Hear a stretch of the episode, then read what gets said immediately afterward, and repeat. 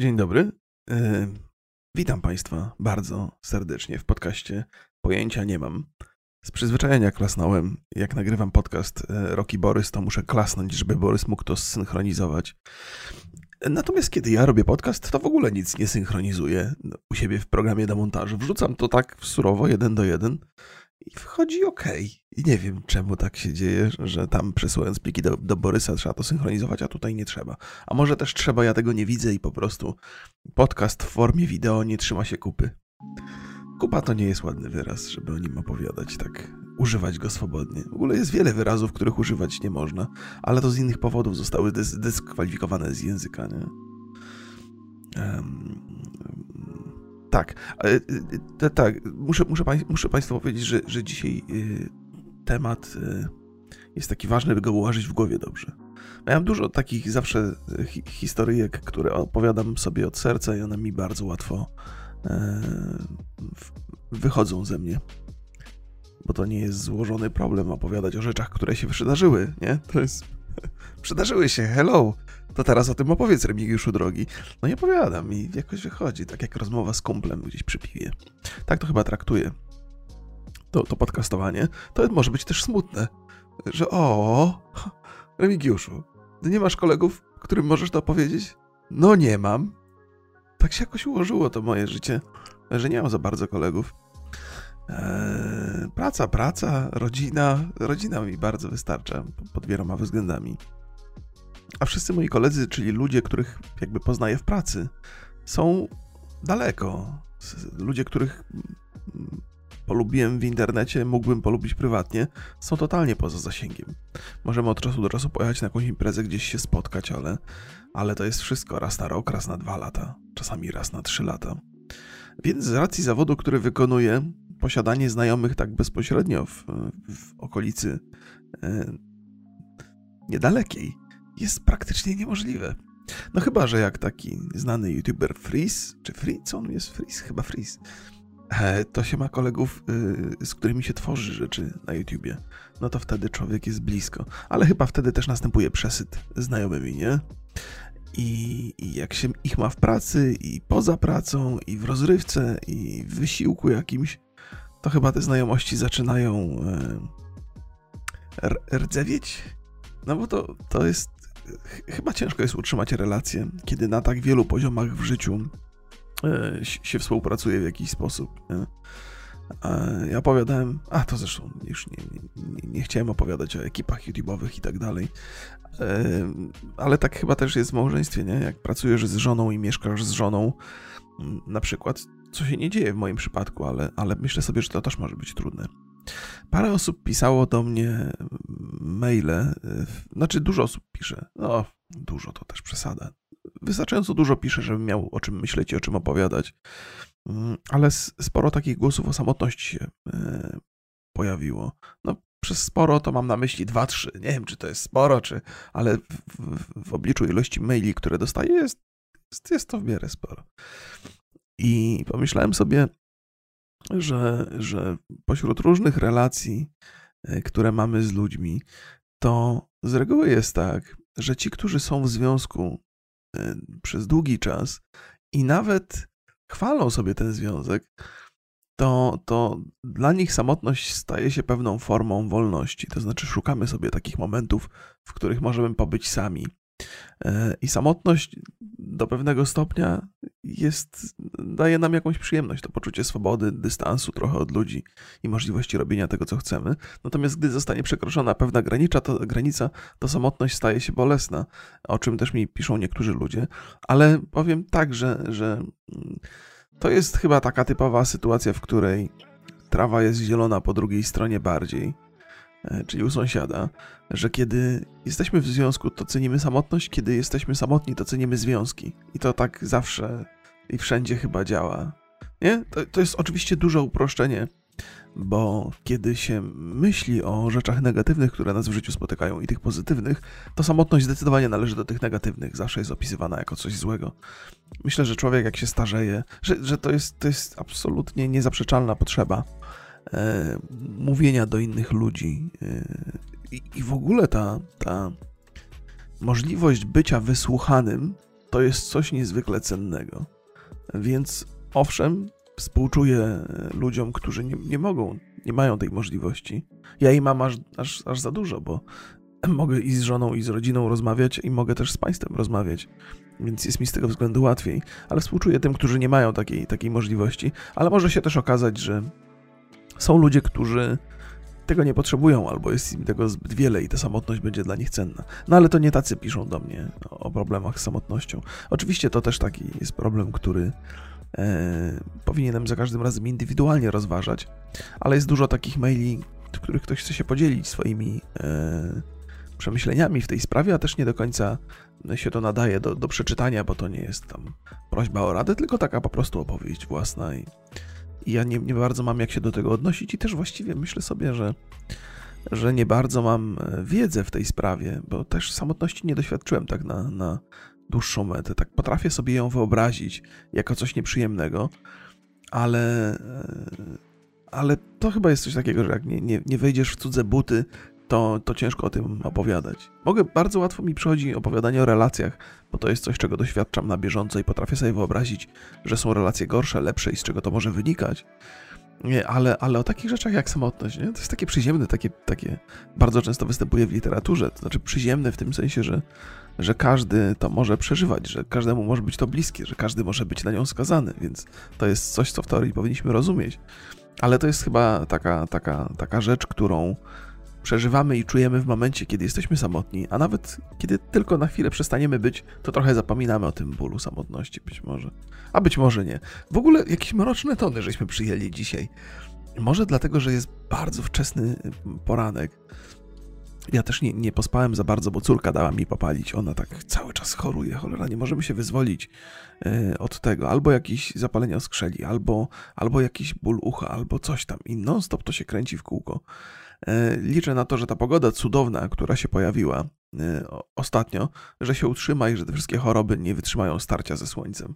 Bo słońce jest ważne, tam dużo witaminy D. Można brać to w kropelkach i w pastylkach, ale e, odporność, którą się nabywa przez kontakt z naturą, to jest chyba coś, czego przecenić się nie da. Więc, więc czekamy bardzo mocno. No, no dzieci bywają chorowite, zwłaszcza teraz. Opowiadałem też o tym, że brak tej odporności wynika także z tego, że jest brak kontaktów e, między dziećmi i się nie uodparniają. E, no, e, więc tak, jestem trochę średnio wyspany, ale w ogóle więc opowiem Państwu, co dzisiaj, co dzisiaj jest takim moim głównym punktem programu. Rozmawialiśmy ostatnio z Borysem na podcaście o opłatach reprograficznych, o tym wsparciu dla artystów. I myślę, żeśmy poszli taką łatwiejszą możliwą drogą. To znaczy, żeśmy się trochę przejechali po artystach w taki sposób, e, być może brutalny momentami, być może nie do końca pozwalający sobie na przemyślenie wszystkich e, wad i zalet tego, tego, tego pomysłu ustawy, w której to e, oto cywilni użytkownicy urządzeń elektronicznych będą się dopłacać do, do artystów, do ich wynagrodzeń, do ich takich gorszych momentów i do lepszych też. To też pewnie jest wada tej ustawy. To jest złożone zagadnienie. Pewnie należy brać pod uwagę e, punkt widzenia obu stron ale wydaje mi się, że jakby z takiego społecznego punktu widzenia to jest coś, co będzie się zawsze spotykało z negatywną reakcją, dlatego nasza reak- negatywna reakcja w podcaście jest taką trochę drogą e, łatwiejszą, bo, bo wiemy, że ludzie, którzy będą słuchali tamtego podcastu, raczej nas będą popierać. Nie? E, ten punkt widzenia, który żeśmy przyjęli, nie wynika z tego, że chcieliśmy jakby tutaj być koniunkturalistami, tak? ładny wyraz, koniunkturalistami i pójść na fali, tylko też mamy takie, takie odczucia, że nie do końca lubimy, kiedy się nam ktoś dobiera do pieniędzy, bo jest mu gorzej z jakiegoś tam powodu. I teraz tak, oczywiście, że należy wspierać ludzi, którym jest gorzej, tylko powody, dla których jest gorzej, to też jest rozległy temat i być może sobie przedyskutujemy tutaj y, to, to, to dokładnie. A przedyskutujemy sobie na bazie E, wiadomości, którą dostałem pod tym, pod tym, którą obaj z Borysem żeśmy dostali pod tym podcastem. I to jest bardzo taka sensowna i, i przemyślana odpowiedź, która trochę krytykuje nasz punkt widzenia. Jest to krytyka jak najbardziej zasadna, ale też y, no, będę podejmował tutaj dyskusję. Więc to jest długi, fajny bardzo wpis e, na YouTubie który trochę mnie pobudził do tego, żeby, żeby, żeby dzisiaj się tym zająć. O tak.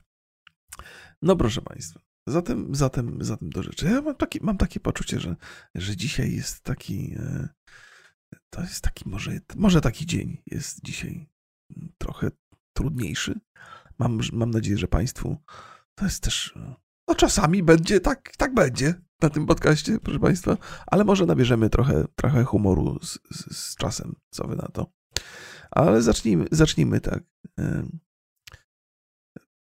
Pan Michał się tutaj podpisał, ale to, to nie będę przytaczał. Chociaż, panie Michale, mm, to jest publiczna wiadomość, ale, ale dobrze. Pan Michał jest autorem, jest pisarzem, jest autorem książek od 20 lat wydaje te książki y, i no nie zarabia na nich zbyt dużo, zakładam. Natomiast te książki spotykają się z pozytywnym odbiorem. One się sprzedają nie, nie, nie najgorzej, ale to nawet to nie najgorsze sprzedawanie się książek nie jest dzisiaj, y, nie daje dzisiaj możliwości zarabiania w sposób sensowny. I, i, I, pan Michał odpisuje na te nasze, na te nasze dyskusje.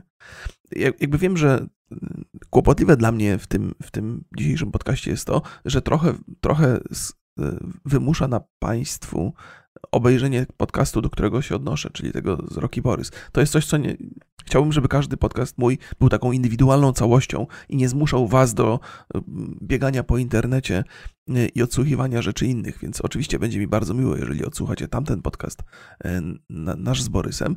Natomiast postaram się opowiedzieć tą historię tak, że nawet jeżeli nie macie na czasu na oglądanie dodatkowych rzeczy, to będzie dla was jasne i proste i, i, i oczywiste to, o czym mówię. Więc na tym podcaście naszym opowiedzieliśmy parę rzeczy i pan Michał się do tych rzeczy odnosi y, i zaczniemy sobie w ten sposób. Bez urazy, panowie, ale pieprzecie. I to jest taki wstęp, który jest właściwie najostrzejszy w tym całym, w tym całym mailu i on mi nie przeszkadza. To nie jest tak, że tam zaraz się będę, poczuję się obrażony, że to jest absolutnie, jeżeli ktoś ma ochotę napisać, że pieprzymy, to jest, jest to jak najbardziej uzasadnione, tym bardziej, że ta wypowiedź jest poparta argumentami. Jak mi ktoś napisze na YouTubie, ale ty pierdolisz od rzeczy, no to go raczej wy, na, na kopach go wy, wyniosę z tego, bo, bo trzeba napisać. Ja nie mam nic przeciwko temu, że mi ktoś wy, wskaże błędy w moim rozumowaniu, tylko niech dokona tego wysiłku i wskaże te błędy. Pan Michał to zrobił bardzo trafnie.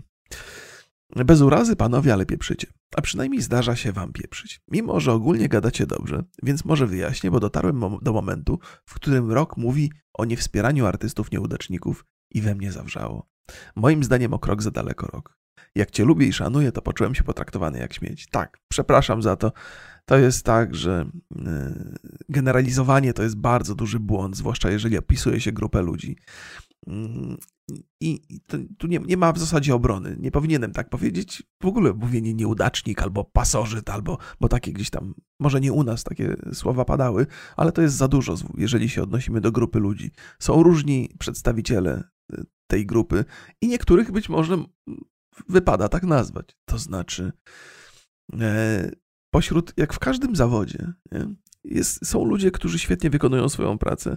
Są ludzie, którzy mają tak, wykonują ją przeciętnie, ani dobrze, ani źle, ale są też tacy ludzie, którzy totalnie się do niczego nie nadają. I nieważne, czy tu chodzi o artystów, pisarzy, e, muzyków, murarzy, tynkarzy czy youtuberów. To po prostu tak jest. Nie?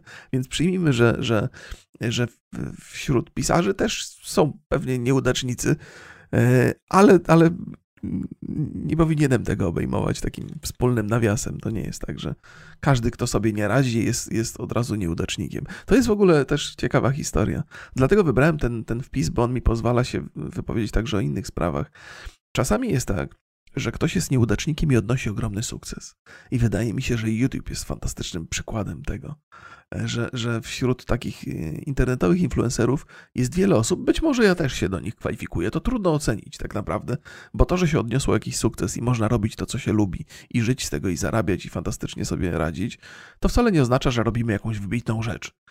E, tak, wśród pisarzy podejrzewam, że też trafia się kilku takich, e, którzy niewiele są warci, a zarabiają świetne pieniądze, ponieważ ich literatura, ich, może, ich pisarstwo wpisuje się w jakąś potrzebę, e, taką, która jest bardzo e, którą trzeba bardzo mocno zaspokoić. I pomyślałem sobie, okej, okay, teraz znowu wyjdzie na to, że wskazuję palcami, ale jak sobie pomyślę o, o takiej książce 365 dni Bianki Lipnickiej, dobrze mówię? Sobie tutaj Bianka Lipińska, Bianka Lipińska.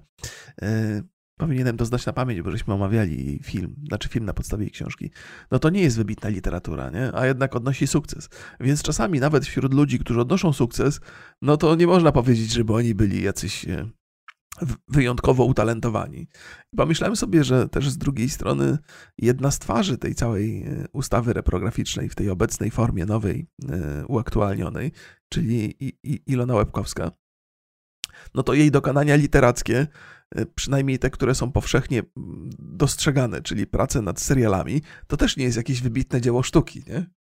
Swoją drogą też jest taka historia, że ludzie, którzy są przedstawicielami tego całego ruchu, no to oni są bardzo mocno oderwani od rzeczywistości. Znaczy nie, nie ruchu, tylko tego, te, tego wsparcia dla tej ustawy są totalnie to jest chyba największą szkodę, jaką robią e, artystom ci ludzie, to jest to, że sugerują, że wszyscy artyści mają taki sposób patrzenia na rzeczywistość, jak oni sami. Czy jak na przykład Ilona Łebkowska, która totalnie, mm, jeżeli ja od czasu do czasu nie wiem o, o, o czym mówię, no to ona już, już kompletnie jakby błądzi w takich chmurach, że to jest niewyobrażalne. Nie? I, I, może to dlatego, że to jest pokolenie jakieś takie nieprzystosowane do, do, do, do świata obecnego. Ale, ale tak, mówienie na artystów nieudacznicy jako no, o ogóle jest, jest, jest błędem dużym. E, I jak widać, ale też jak widać, nieudacznictwo nie kwalifikuje nas. Znaczy, można być nieudacznikiem i świetnie sobie radzić, można być nieudacznikiem i sobie radzić fatalnie. Nie wiem, czy to, chyba obraził jeszcze dodatkową grupę ludzi, być może, ach, no cóż, tak jest, jest jak jest. Wydaje mi się, że tak myślę, więc może uczciwie tak opowiadam. To też jest, e, to też jest tak, takie zawsze pytanie. Zawsze należy brać pod uwagę, że człowiek może się pomylić, więc może lepiej nie obrażać przy okazji ludzi, bo, bo, no bo po co, nie? Ale z drugiej strony, no kurde, jeżeli chcesz być z, z, absolutnie szczery przede wszystkim ze sobą, no to musisz czasami powiedzieć to, co myślisz, nawet jeżeli nie jest to do końca przetrawione intelektualnie.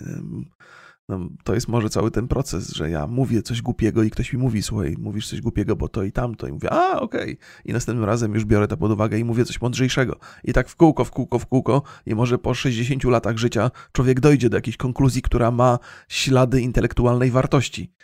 Nie? Więc mówienie głupot też nie jest rzeczą taką złą na dłuższą metę, zwłaszcza jak się robi to, co ja robię. Więc pan Michał pisze dalej. Jestem pisarzem. Złym czy dobrym nie mnie oceniać. Czytelnikom się w większości podoba. No to, to, też gratuluję, to, to cieszyć się tylko. I teraz tak. Jako pisarz funkcjonuje na rynku, w którym nie ma dobrego sposobu, by jak mówicie, pójść z duchem czasu. Powiecie e-booki, audiobooki. No okej, okay, tyle że to jest naprawdę mały ułamek rynku. W dodatku ekstremalnie małego, polskiego rynku książki, w dodatku pomniejszonego o to, że ludzie zwyczajnie nie czytają za dużo. Przez lata borykałem się z tym, że mój zawód nie jest uznawany za zawód. No bo hehe, pisanie to nie praca. Pisanie to ciężka, czasami wieloletnia praca, której zwieńczeniem jest produkt, książka. W rzeczywistości, w jakiej żyjemy, ta książka musi mieć taką, a nie inną cenę. Zwykle około 40 zł. Z tej ceny to, co dostaje autor, to pomiędzy 5% a 20%. I tylko wtedy, kiedy łaskawie ktoś mu w ogóle zapłaci. Pierwsze 8 lat po moim debiucie literackim to wynagrodzenie w postaci piwa od wydawcy albo przysłowiowych 10 zł za tekst. Ale niech będzie. To rozwój, zdobywanie czytelników, droga do sukcesu, więc okej, okay, taki jest świat. Dobra, to przerwę ci tu po drodze, nie? I ta historia jest, no, jakby ona trafia w odpowiednie nuty i masz, masz dużo racji. Nie powinno być tak, że mm, mimo, mimo tego, że spotykasz się z dobrym odbiorem czytelników, to nie, nie jesteś w stanie zarobić wystarczająco dużo pieniędzy, żeby to miało jakikolwiek sens. Nie?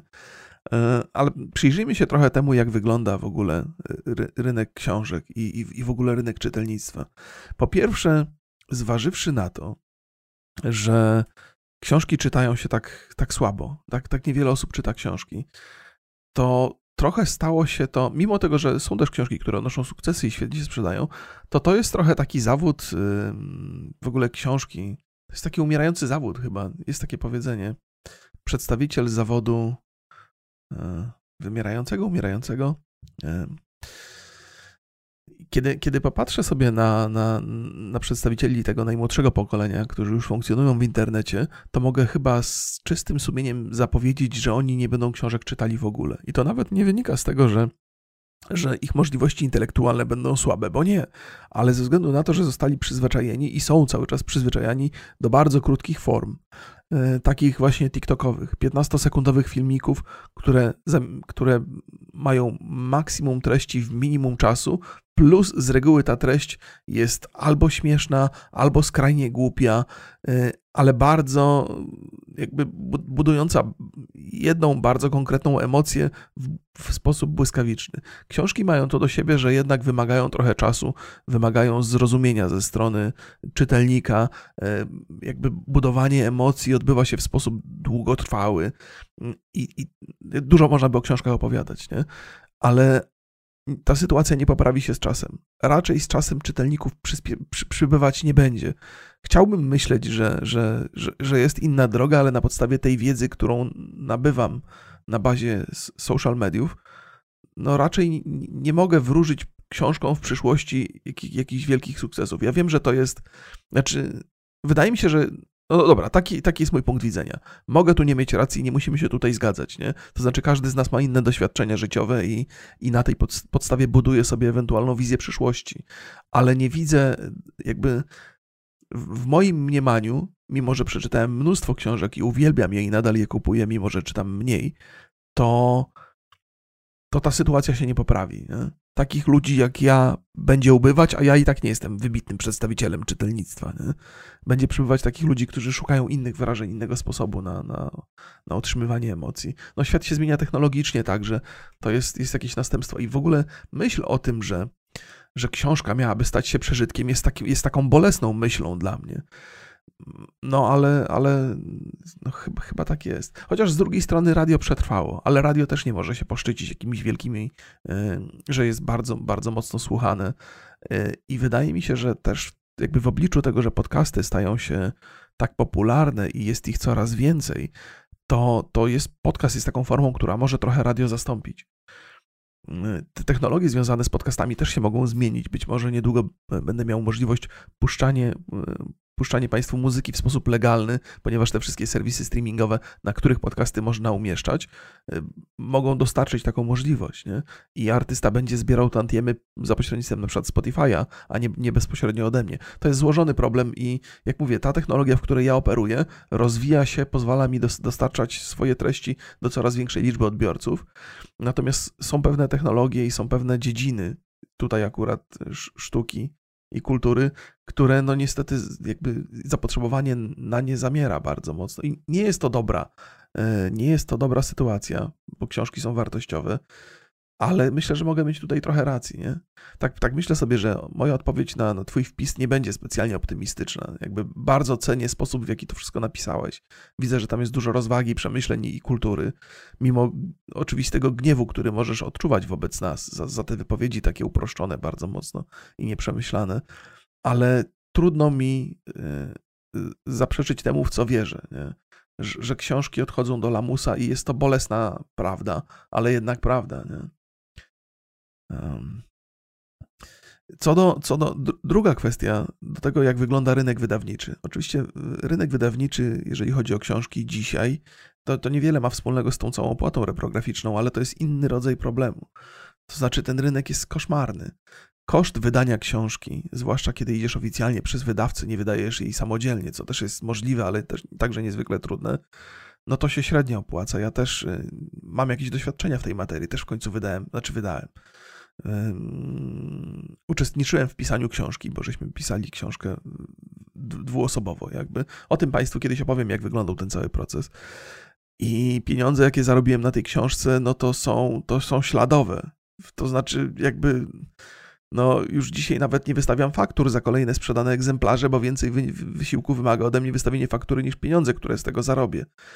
I to, to, to są jakby ten pierwszy taki, taki moment, kiedy ta książka się sprzedała, był taki, że no okej, okay, jakieś tam pieniądze wpłynęły, ale to też było totalnie nieadekwatne do ilości pracy, którą trzeba było włożyć.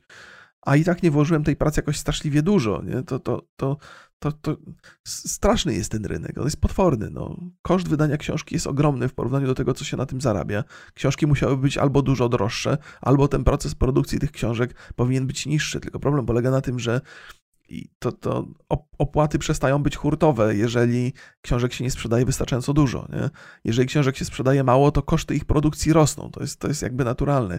Im mniej, więc no, no, sytuacja nie ulega poprawie tutaj. To jest kolejny taki aspekt, nie? Że, że wydanie fizycznej książki e, no, to się pewnie się będzie miało z, z celem w niedalekiej przyszłości już totalnie.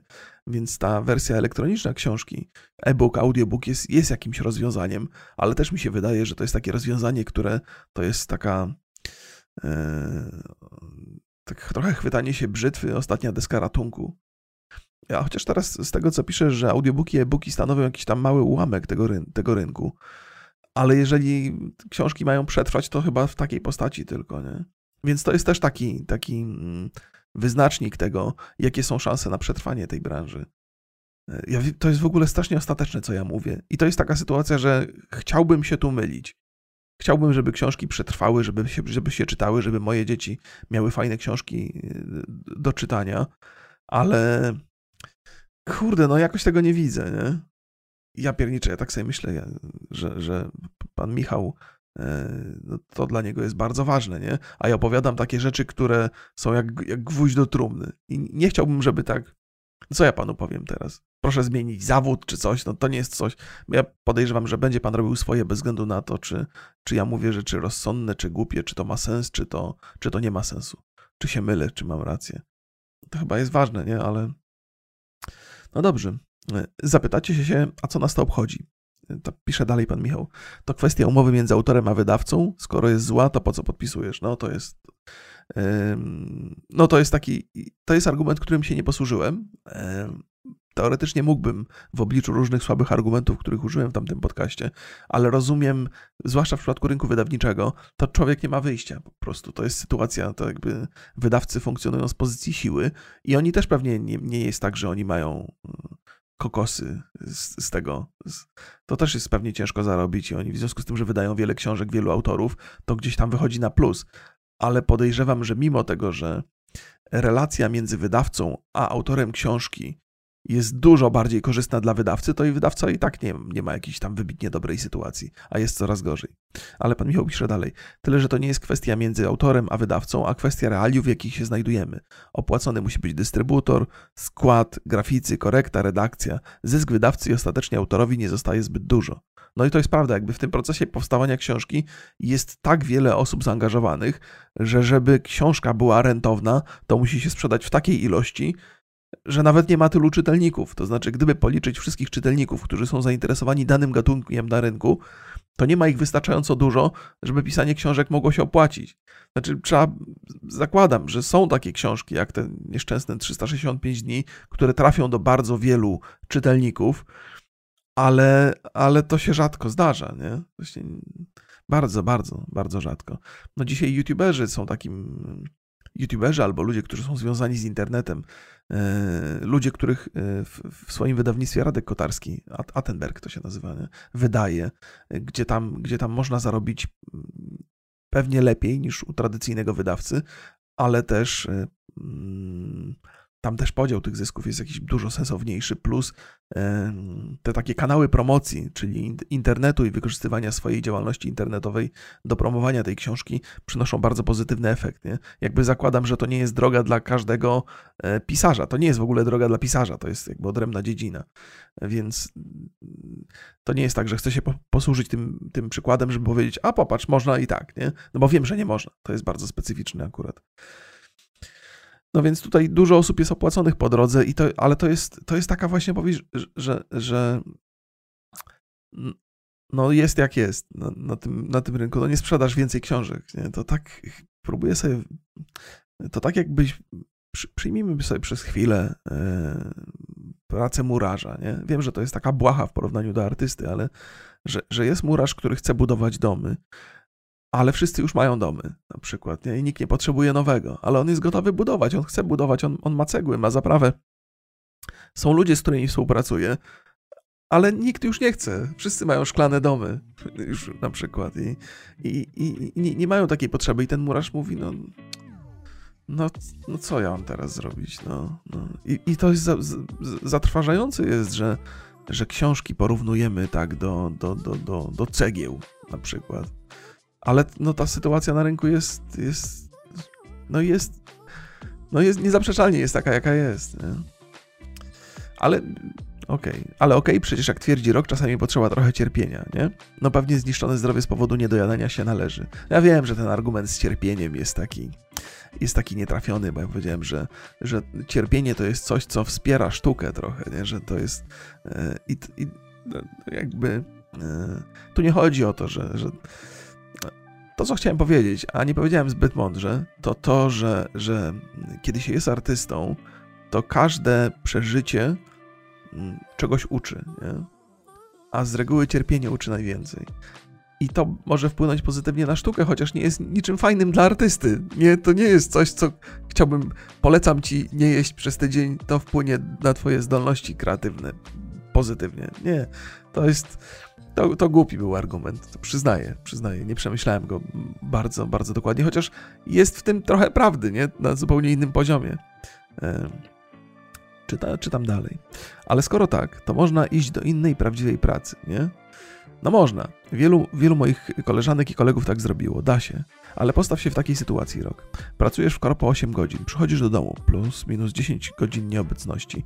Masz obowiązki, możesz albo nie spać i pisać, albo po prostu nie pisać. Czytaj nie rozwijaj się. Okej, okay. tutaj, tutaj mm, mam coś do powiedzenia w tej, w tej sprawie. Otóż, yy, jakby kiedy ja zaczynałem rzeczy na YouTubie i też nie chcę, nie chcę tutaj brzmieć jako osoba, która, e, której doświadczenia można przypisać do każdego możliwego zawodu, nie? Ale prawda jest taka, że pracowałem po 14 godzin na dobę i robiłem non-stop to. I, I oczywiście, gdybym pracował przez 8, 8 godzin na e, gdzieś tam w, w korpo i jechał 10 godzin, to by mi pozostało 4 godziny na rozwijanie się, ale pewnie bym to robił, nie? I też miałem to szczęście, że od razu zacząłem to robić i to był jakby zawód pożądany ten youtuber, zwłaszcza wtedy, bo, bo nie było nas tak wielu.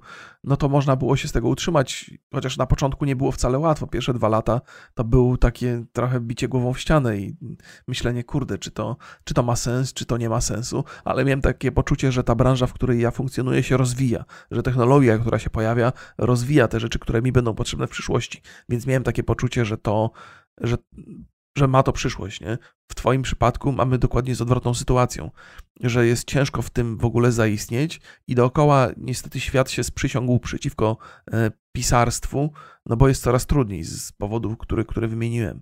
Ale nie o sobie chciałem to opowiadać. E, mam znajomych, którzy są streamerami, którzy są youtuberami którzy chcieliby bardzo mocno być przez tak na 100% czasu, nie wiem, full-time streamer, youtuber, ale nie mogą tego robić z jakiegoś powodu. Mimo, że uważam, że mają bardzo wiele do przekazania i, i, i, mogliby się fantastycznie rozwijać w tej dziedzinie, ale muszą pracować 8 godzin.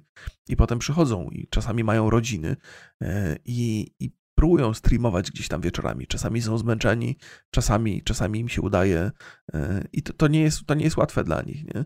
I po raz kolejny, jak wiem, że to, chociaż tak samo jak piszesz, nie? Jak, jak tobie mówią, że powinieneś iść do innej prawdziwej pracy, tak ludziom, którzy funkcjonują w internecie, jakimś tam youtuberom, streamerom, mówią to samo i to jeszcze częściej, nie? Że o, akurat na przykład streamujesz gry, grasz w gry, nie, nie, zarabiasz z tego za dobrze, może byś się zajął prawdziwą robotą. Powiedziałbym, że pisarstwo jest dużo wyżej oceniane niż bycie streamerem, który akurat nie ma wielkich sukcesów, nie? Ale chce to robić bardzo, bardzo mocno i, I, mówi, no, no piernicze, no, choćbym się miał nie wyspać krócej, nie wyspać za bardzo, no to będę streamował te 4 godziny każdego wieczora, nie? Z nadzieją, że uda mi się stworzyć na tyle um, przywiązaną grupę odbiorców, by porzucić swoją 8-godzinną, męczącą pracę i zająć się tym, co mnie pasjonuje, streamowaniem.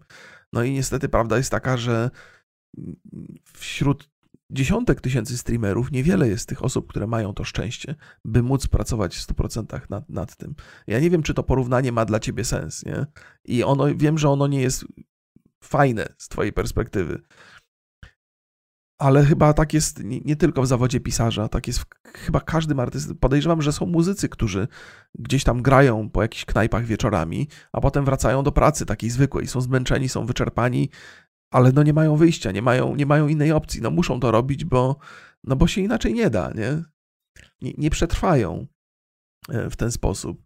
I, no, no, i co ci powiem? Nie? I to czasami nie zależy od tego, że, że talentu im nie starcza, tylko od tego, że rynek jest nasycony do tego stopnia, że nie ma dla nich miejsca. Nie?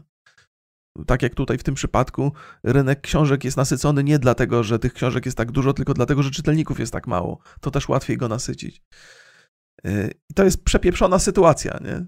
To, to niedobrze, że tak jest. Ale jest, tak jest. E, a gwarantuję ci, pan Michał pisze dalej, każdy z tych artystów, którzy już nie są nieudacznikami, miał ten okres za sobą, kiedy właśnie był takim nieudacznikiem, jak to określiłeś, czyli musiał mieć czas i przestrzeń, by zainwestować w siebie i rozwój. Pisarze w Polsce nie mają nawet możliwości zbierania na emeryturę, ani też ubezpieczeń zdrowotnych. Czemu? Bo nie. Znaczy, czemu? Bo nie, to nie jest, to nie jest wytłumaczenie. Ja, ja nie, jest, nie, nie, nie bardzo mocno ogarniam te kwestie e, księgowości i opłat wszelakich, natomiast sam prowadzę działalność gospodarczą i opłacam swoje składki. Znaczy, zakładam, że pisarz też może prowadzić działalność gospodarczą i opłacać swoje składki, pod warunkiem, że zarabia odpowiednio dużo, by go było stać na te składki. Czy to nie jest tak, że, że to wykonując każdy zawód, choćby nie wiem jak bardzo kreatywny i ulotny, no to nadal możesz prowadzić działalność gospodarczą i odprowadzać składki odpowiednie. To nie jest tak nie, bo nie, tylko nie, bo nie zarabiasz odpowiednio dużo. Znaczy, może nie rozumiem tutaj e, tego zagadnienia e,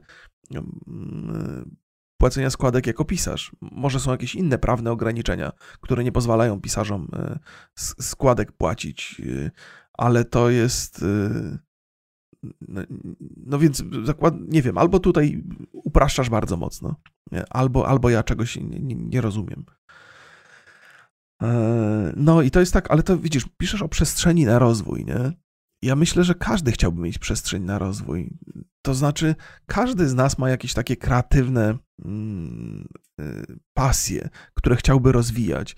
I można przypuszczać, że nawet część, choćby nie wiem, jakie, jakie błahe byłyby to pasje, to część mm, ludzi, którzy te pasje rozwijają w taki sposób swobodny, mając zapewnione bezpieczeństwo finansowe, mogliby osiągnąć jakiś, jakiś sukces ogromny, nie? Ale też jest tak, że, że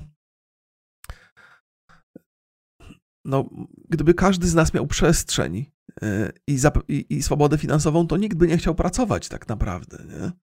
To znaczy, Cholera, no zakładam, że nawet ktoś, kto wykonuje jakiś taki najprostszy zawód, ma gdzieś tam jakieś takie, może nie każdy, ale jest dużo takich osób, które mają jakieś hobby i pasje, rzeczy, które chcieliby re, realizować.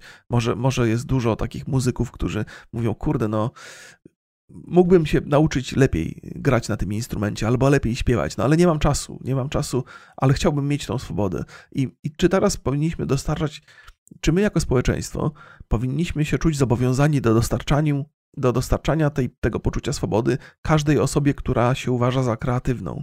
Bo nagle mogłoby się okazać, że tych osób, które chcą być kreatywne, jest więcej niż tych osób, które są gotowe pracować na to. I, i powiesz, no ale arty... znaczy nie wiem, co powiesz. Pewnie powiesz coś mądrzejszego niż ja tu wymyślam. No, że artystów nie jest aż tak dużo, że, że, że to jest jakby trochę wyjątkowa, bo jest to trochę wyjątkowa forma jakby tworzenia i pracowania. I też trudna jest przez to, ale ale no każdy chciałby mieć przestrzeń, każdy chciałby mieć swobodę, by realizować swoje pasje. I część z tych pasji byłaby czymś do, dodatnim dla kultury. Ale, ale tak się chyba nie da. Wydaje mi się, że tak się nie da. I co? Uratuje mnie Spotify, Netflix, czy dopiero po usłyszeniu, posłusznym cierpieniu i paru powodach w szpitalu, kiedy wreszcie odniosę większy sukces, nie będę już nieudacznikiem? No to jest trochę, trochę, trochę jakby ciągniesz ten, ten, ten mój błędny w ogóle, ten nasz błędny argument o tym, że, że ktoś jest nieudacznikiem, to wiedziałem, że to jest błąd używanie tego epitetu, bo to epitet, prawda?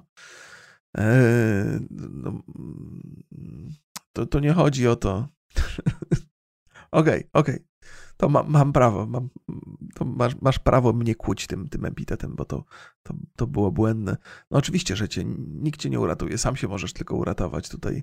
Eee, I, I to też jest tak, że może, może jest tak, że czemu uważasz, że ktoś powinien jednak ratować, nie?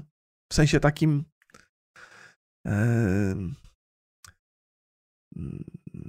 no, że, że to jest niezale- jakby ch chciałbym bardzo móc wspierać pisarzy i żeby oni mogli sobie radzić i funkcjonować, nie? Tylko jak wyłapać tych, którzy są naprawdę dobrzy i którzy mogą te pieniądze, które dostaną od społeczeństwa, wykorzystać w sposób pozytywny. To jest ta, gdzie tu następuje selekcja, nie? Jak to w ogóle wyróżnić?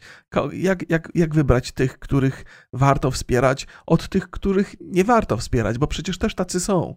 Są tacy, których nie warto wspierać, to będą pieniądze wywalone w błoto.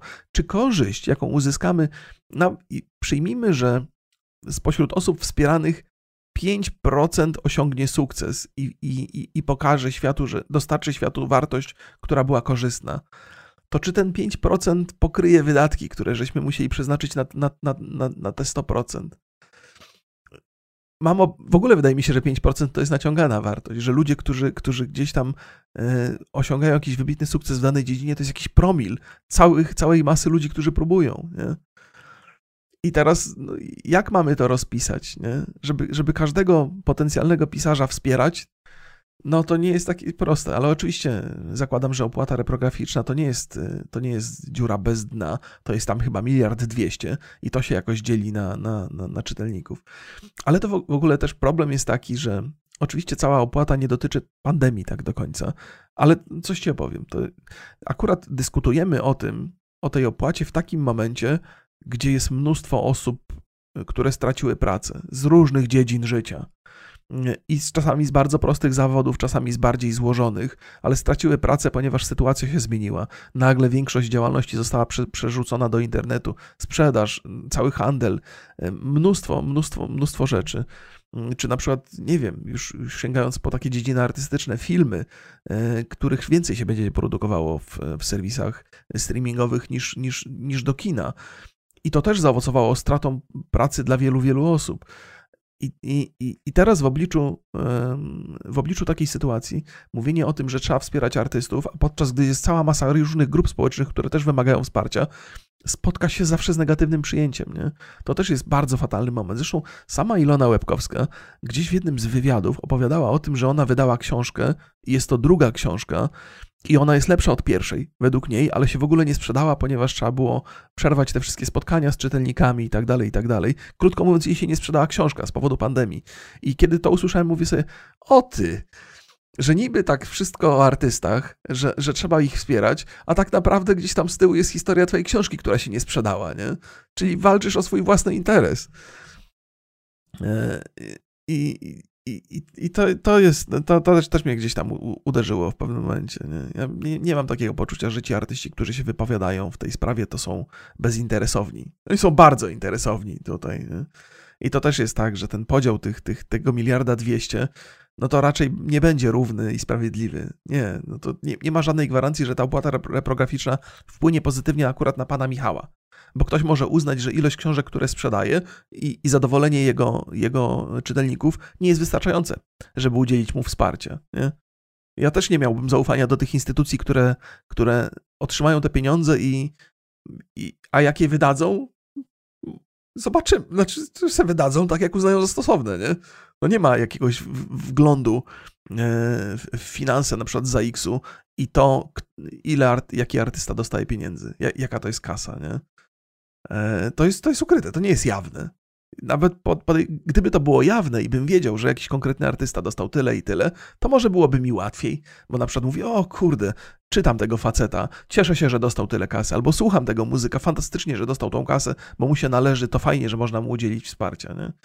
Ale jakby całą wadą tej ustawy, już pomijając trochę, bo będę czytał dalej tutaj, jest to, że ona będzie nam naprawdę najmocniej wspierać ludzi, którzy zarabiają dobrze, ponieważ no, no, osiągnęli sukces, nie? To jest jakby podział na tych najbogatszych, naj, najlepiej stojących w tej branży. No nie wierzę, żeby ziomek, który jedzie na Zanzibar, nie wiem czemu ten, ten Zanzibar jest takim, często się o nim mówi, to on dostanie kasy na drugi wyjazd. No, to nie dostanie tego artysta, który potrzebuje. Tak mi się wydaje, bo jako, że to jest niejawne, mam prawo tak przypuszczać. Eee, natomiast boli mnie fakt, pan Michał, tak wiem, że to jest, że zostałem nazwany, a przynajmniej poczułem się nazwany nieudacznikiem po 20 latach pisania, blisko 10 lat od debiutu. W momencie, w którym sprzedaję te, te powiedzmy bo nie będę pisał dokładnie paręnaście tysięcy egzemplarzy książki, która jest dosyć ciepło w dodatku przyjęta. I nawet w takim momencie są to zarobki, które nie pozwalają w naszym kraju przeżyć odpowiednią ilość czasu, bardziej dodatek do pensji. Mam to szczęście, że pracuję sobie w game devie i w taki sposób również żyję z pisania i wymyślania rzeczy. Yy, a to, panie Michale, pan nie jest pierwszą osobą, która, która pracuje w game devie i która pisze książki. Ja też, my żeśmy się nie spotkali czasem gdzieś na jakimś wyjeździe, bo, bo miałem takie, miałem z, z dwoma osobami takimi się pisałem, spotkałem, mm, że jeden facet yy, w game devie zajmuje się tłumaczeniami z języka angielskiego na polski. Yy, się do mnie zgłosił mi się zegarek, że powinienem pooddychać. To później obiecuję.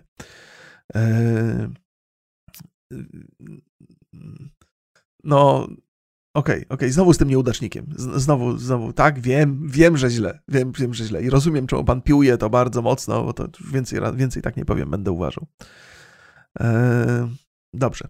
Dlatego w ogóle myślę, że wspólny szyld artystów na wszystkie dziedziny kultury nie jest zbyt dobrym zabiegiem. Niemniej to jest jeden, y, jest pierwszy raz od dziesięcioleci, kiedy ktoś, jako doklejkę do innych, pochylił się nad pisarzami. Ja ma, mam wrażenie, że to jest taka trochę naiwna yy, nadzieja, że ktoś się pochylił nad pisarzami. Mam wrażenie, że, że to, jest, to, jest, to jest tylko taka podkładka, żeby, żeby móc e, legitymować e, te idiotyczne yy, yy, potrzeby przedstawiane przez tych, przez tych artystów tam na, na, scenie, którzy się wypowiadali w tej sprawie i przez, przez Łebkowską. No dobrze, dobrze. Zaraz będę oddychał. Boże, żeby mnie zegarek tak zmuszał do różnych działań. E, więc, no okej, okay, może ktoś się tam pochylił nad pisarzami, e, ale nie wiem, czy to miałoby jakikolwiek skutek i sens. To już w ogóle na podstawie tego, co mówiłem wcześniej. Rzecz nie jest taka czarno-biała, jak tutaj panowie wyłożyliście. I jasne, wspominacie, rok wspomina ze, ze dwa razy, że nie wszystkie dziedziny kultury da się traktować tak samo. Chwała za to. Ale zaraz później używacie książek jako wytrychów na poparcie jakichś innych swoich hipotez. No to prawda, to żeśmy tam. Reasumując, nie jestem wcale zwolennikiem projektu ustawy. Sądzę, że jest ona kiepsko przemyślana i niezbyt dobrze sformułowana. Przykładanie tej samej miary do wszystkich dziedzin kultury, co też i wam się zdarza, jest tutaj pomyłką. Obciążanie ludzi na zasadzie możliwości popełniania przez nich czynów yy, jest w ogóle oburzające. Chyba nie zrozumiałem tego do końca, ale dobrze. Niemniej pewna beztroska, z jaką wypowiadacie się o różnych sprawach, także o biedzie i cierpieniu, a także brak wiedzy w przypadku np. rynku wydawniczego i powielaniu pewnych stereotypów, podniosły mi ciśnienie. Rozumiem, że przedmiotem dyskusji była sama ustawa, ale mając ją na tapecie powinniście tak myślę, mieć szczególnie na uwadze to, w jakie, w jakie różne środo, ona środowiska celuje i wykonać w ich stronę trochę większy research, by można lepiej zrozumieć. Rok sam wspominasz, że starałeś się wejść w skórę artystów i nie potrafiłeś. Okej, okay, tu, trochę tutaj opowiem, y, trochę na naszą obronę. Generalnie jest tak, że oczywiście, że trzeba się przygotować do, do, do, do rozmowy maksymalnie jak się tylko da i zdobyć mm, dużo wiedzy w danym zakresie, ale są pewne granice. To znaczy, by dobrze zrozumieć sytuację pisarza, trzeba by było zostać pisarzem i poznać to od, od, od środka i, i móc się wtedy wypowiadać. To znaczy, z, z, obserwując sytuację z zewnątrz, zawsze jest jakaś granica, do której możesz, do której możesz dotrzeć samodzielnie, nie będąc e, jakby uczestnikiem tego zawodu. Tak samo w przypadku e, twórców filmu czy twórców e, muzyki. Znaczy, to jest coś, co, po czym da się tylko tak trochę powierzchownie przejechać i mieć tam jakąś wyrobi, wyrobioną opinię. Dlatego właśnie następują potem takie generalizacje, że się wkłada wszystkich do jednego wora i tym worem się wali o ścianę. Więc, więc to, to, to nie jest takie proste. Znaczy, jakby Oczywiście, że nigdy się człowiek nie przygotuje tak lepiej, by nie można było to zrobić lepiej, ale wydaje mi się, że no to jakby poza, poza to, co wiemy, to byśmy nie, nie jesteśmy w stanie wyjść. Nie? E, I, i, jednak jakby będę bronił tych generalizacji, poza nazywaniem ludzi nieudacznikami, generalizując to złe, ale w związku z tym, że ustawa nie kierowana jest bezpośrednio do, do, konkretnej grupy, do konkretnych osób, no to ta ustawa sama generalizuje grupę i mówi się o tym, że oto teraz na artystów mamy się składać wszyscy, nie? I, I każdemu przyjdzie do głowy, niezależnie od tego, jakie ma poglądy na temat tworzenia dzieł kultury, to powie, ale jak, na wszystkich artystów? Że każdy artysta jest, jest wartościowy, każdy artysta zasługuje na moje wsparcie? A może są tam leniuchy, na przykład, nie? Wśród tych. Wiesz, to jest takie. No. Oczywiście, że ta ustawa nie jest żadnym rozwiązaniem. Nie wiem, co jest rozwiązaniem. Nie wiem, czy są zawody, które da się, da się, da się uratować w jakikolwiek sposób, dokładając do nich To jedyne, co, co. I to też nie jest sensowna wskazówka. To nie wiem, czy to się da w ogóle zrobić. To docieranie do swoich odbiorców w jakiś sposób i, i, i, i, liczenie być może na to, że oni udzielą nam jakiegoś, jakiegoś wsparcia. No bo to, to jak, jak mówię, jakkolwiek może to, może to jest idiotyczne, może to jest błędne założenie, że, że pisarstwo, pisanie książek to jest wymierający zawód. Jakby zapotrzebowanie na książki jest minimalne i będzie coraz mniejsze. Może tu się mylę. No, ale jeżeli się mylę, no to tylko z korzyścią dla książek i da się funkcjonować na tym, na, tym, na, tym, na tym rynku. No rynek książek jest spieprzony. Bardzo współczuję tej sytuacji, w której akurat pan Michał się znalazł. I wolałbym, żeby tak nie było, nie? Ale też nie chciałbym takiej sytuacji, w której ludzie podejmują się działania artystycznego, a kompletnie się do tego nie, nie nadają. I gdzieś bojają w chmurach totalnie i nie ogarniają rzeczywistości totalnie. I miałem takie poczucie, mm, oglądając różne konferencje artystów, że to są ludzie, którzy nie ogarniają rzeczywistości. I być może takie błądzenie w chmurach jest dla artysty pewną koniecznością, bo to powoduje mu tworzyć rzeczy nietuzinkowe, niespotykane, no ale z drugiej strony trzeba wiedzieć, chociaż w takich minimalnych kwestiach, jak ta rzeczywistość wygląda. I przedstawiciele tego, tej, tej, tej ustawy, którzy bronią tej ustawy, totalnie jej szkodzą. To znaczy, to jest, to jest, to jest jakiś sabotaż wręcz tam zachodzi, nie? Panie Michale, może pan się gniewać na mnie i ma pan pełne prawo za używanie tego zwrotu nieudacznik, ale najbardziej pan się powinien gniewać na tych ludzi, którzy próbują was reprezentować, bo oni być może dopisują tam pisarstwo do tych dziedzin, które będą wspierane, ale tak naprawdę szkodzą tej ustawie najbardziej jak tylko można. Ona oczywiście wejdzie w życie, więc jedyne co nam pozostaje, to my jako społeczeństwo możemy być pogniewani na artystów, i, I możemy być. No ale w jaki sposób my się teraz swój gniew wyrazimy? To znaczy, ja mogę powiedzieć brzydkie słowa na temat artystów w, w swoim podcaście i niesprawiedliwe, ale te pieniądze jakoś do Was trafią. Zakładam, że to wszystko jakby przejdzie dalej, bo to już jest, jest potwierdzone. E, no chyba, że, że nagle na skutek tego oburzenia społeczeństwa e, rząd, który jest absolutnie koniunkturalny, w tych kwestiach powie nie, no nie, cofamy ten pomysł, to był zły pomysł. Trzeba wspierać artystów, ale nie teraz, teraz są ważniejsze potrzeby. I być może to spowoduje jakieś odwrócenie tej całej sytuacji, bo w Polsce to wszystko jest akurat możliwe. No ale jakieś pieniądze, jakieś pieniądze tak czy inaczej spłyną do Was i mam nadzieję, że, że w jakiś sposób pana Michała wesprą. Znaczy, zakładając, że wszystko, co pan Michał napisał, a sądząc ze sposobów, w jaki napisał, można podejrzewać go o pewną uczciwość i dobrą samoocenę, to mam nadzieję, panie Michale, że pan jest naprawdę utalentowanym twórcą, że pan, pana odbiorcy świetnie się bawią przy tych książkach i że będzie pan, pan mógł tych książek tworzyć więcej. Nie? I że to jest wartościowe, i że znajdą się odbiorcy na to, i że czytelnicy będą zadowoleni. Więc życzę jak najlepiej.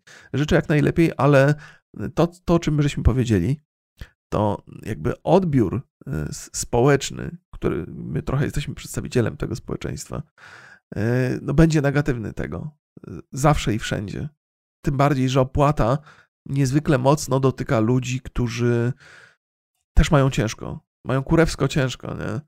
Że, że no z jednej strony mamy pisarza, który może być miły, sympatyczny i pisać rzeczy rozsądne i nawet dobre, a z drugiej strony Mamy y, rodzinę, która na skutek pandemii ojciec i matka stracili na przykład pracę, bo pracowali w gastronomii albo pracowali w jakiejś innej dziedzinie, gdzie, gdzie, gdzie, gdzie zawód, gdzie ciężko jest utrzymać się.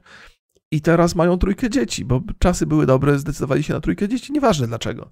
I muszą tym dzieciom kupić komputery i tablety. I sam fakt, że, że, że do tych urządzeń jest doliczana jakaś opłata na artystów, którzy no, to, to nawet kiedy to opowiadam, to gdzieś tam czuję, że mi w gardle jakaś. Y, I oczywiście, że pani Łebkowska mówi, że pokazywanie, że tutaj epatowanie obrazem dzieci, które nie mają tabletów do szkoły albo komputerów do szkoły, to jest demagogia, bo nie wszyscy tak mają.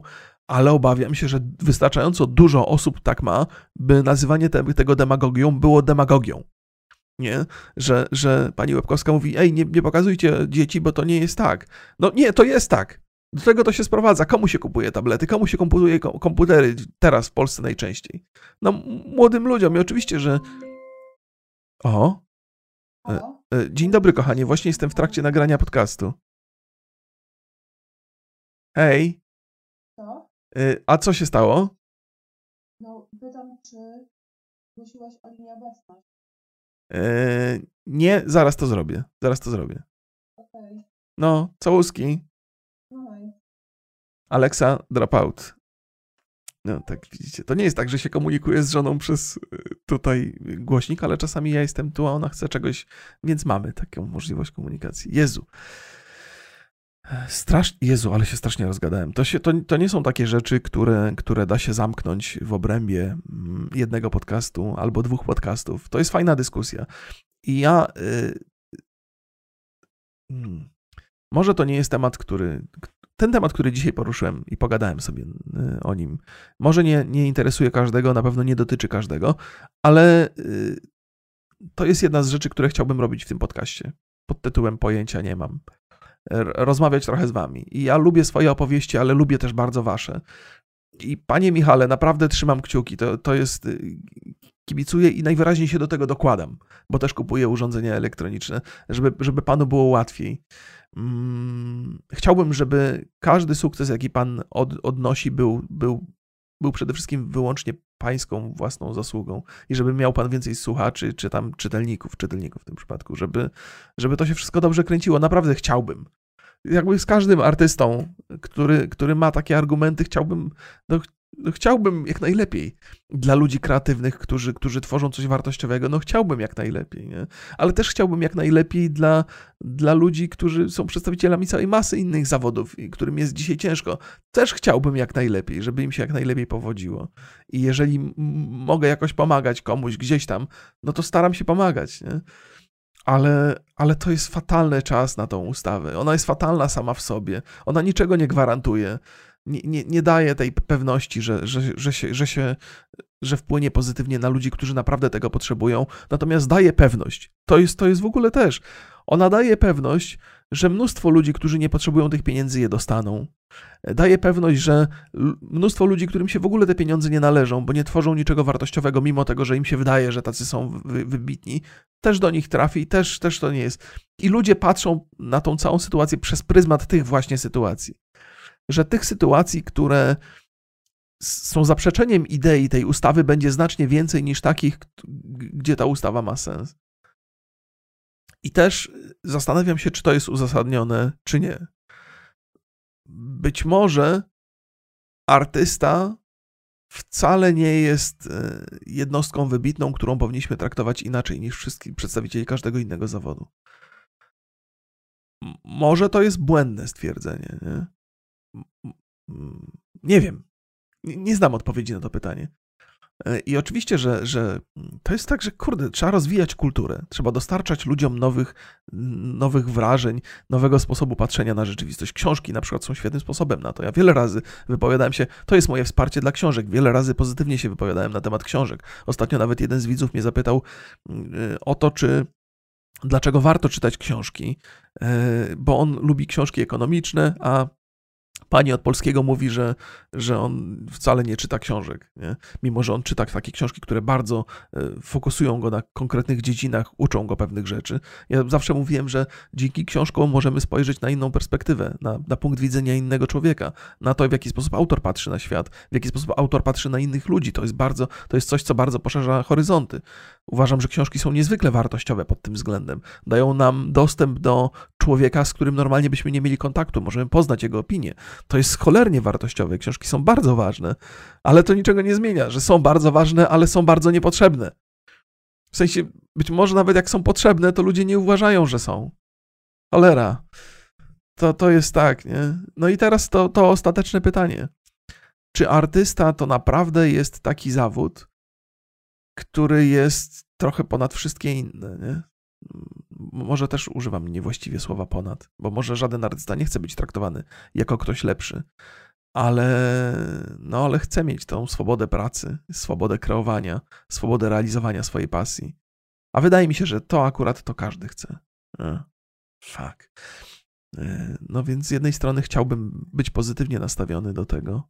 Być może trochę jestem, bo wiem, że te pieniądze może częściowo trafią do ludzi, którzy na nie zasługują ale, ale trudno mi wyobrazić sobie sytuację, w której to jest e, dobry pomysł, korzystny i, i wszyscy są z tego powodu szczęśliwi. No, no dobrze. to się rozgadałem. To się strasznie rozgadałem. Myślałem, że to jest taka rozmowa na 20 parę minut, no ale proszę bardzo. Pozdrawiam Państwa bardzo, bardzo serdecznie e, i do zobaczenia przy następnej okazji. Pa, pa.